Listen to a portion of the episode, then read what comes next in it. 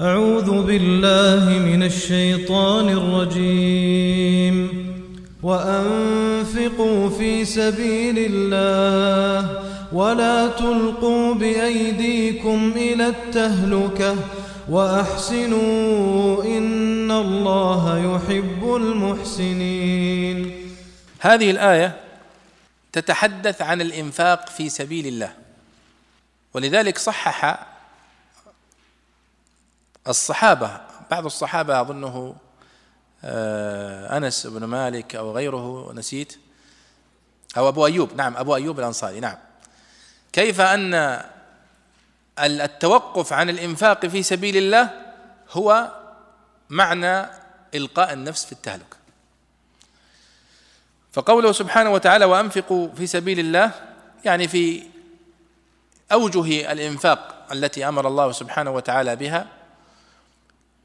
وخص بعض المفسرين قال في سبيل الله هنا خاصا خاص بالجهاد في سبيل الله.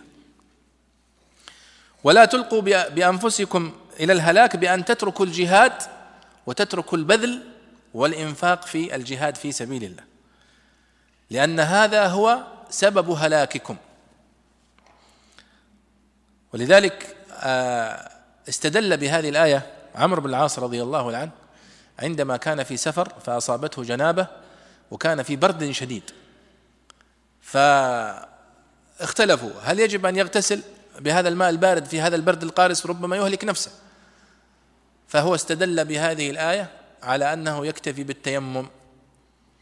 فلما رجع إلى النبي صلى الله عليه وسلم وأخبره لم يؤاخذه ولم يطالبه بإعادة الاغتسال.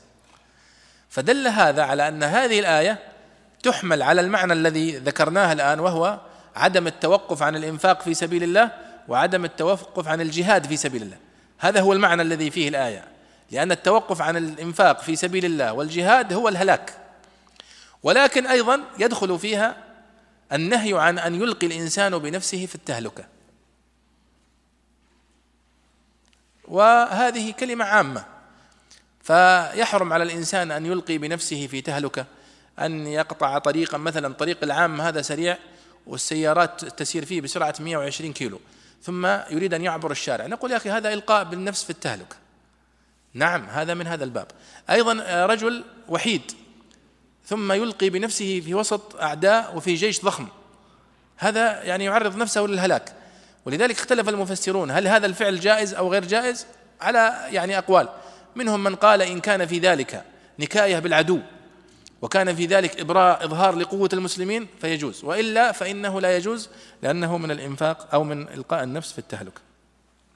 فأبرز أحكام هذه الآية هي يعني آه، الأمر بالإنفاق في سبيل الله والجهاد. ولذلك نقلت لكم نصا هنا عن محمد بن الحسن الشيباني رحمه الله وهو من تلاميذ الإمام أبي حنيفة. قال لو حمل رجل واحد لأن هذه تتداولها كتب التفسير كثيرا هذه القصة. لو حمل رجل واحد على ألف رجل من المشركين وهو وحده لم يكن بذلك بأس. إذا كان يطمع في نجاة أو نكاية في العدو. فإن لم يكن كذلك فهو مكروه وهو من إلقاء النفس في التهلك. لأنه عرض نفسه للتلف في غير منفعة للمسلمين. فإن كان قصده تجرية المسلمين عليهم حتى يصنعوا مثل صنيعه فلا يبعد جوازه. يعني لاحظ محمد بن الحسن يتحرج من قوله يجوز. قال فلا يبعد جوازه. ولأن في منفعة ولأن فيه منفعة للمسلمين على بعض الوجوه. وإن كان قصده إرهاب العدو وليعلم صلابة المسلمين في الدين فلا يبعد جوازه.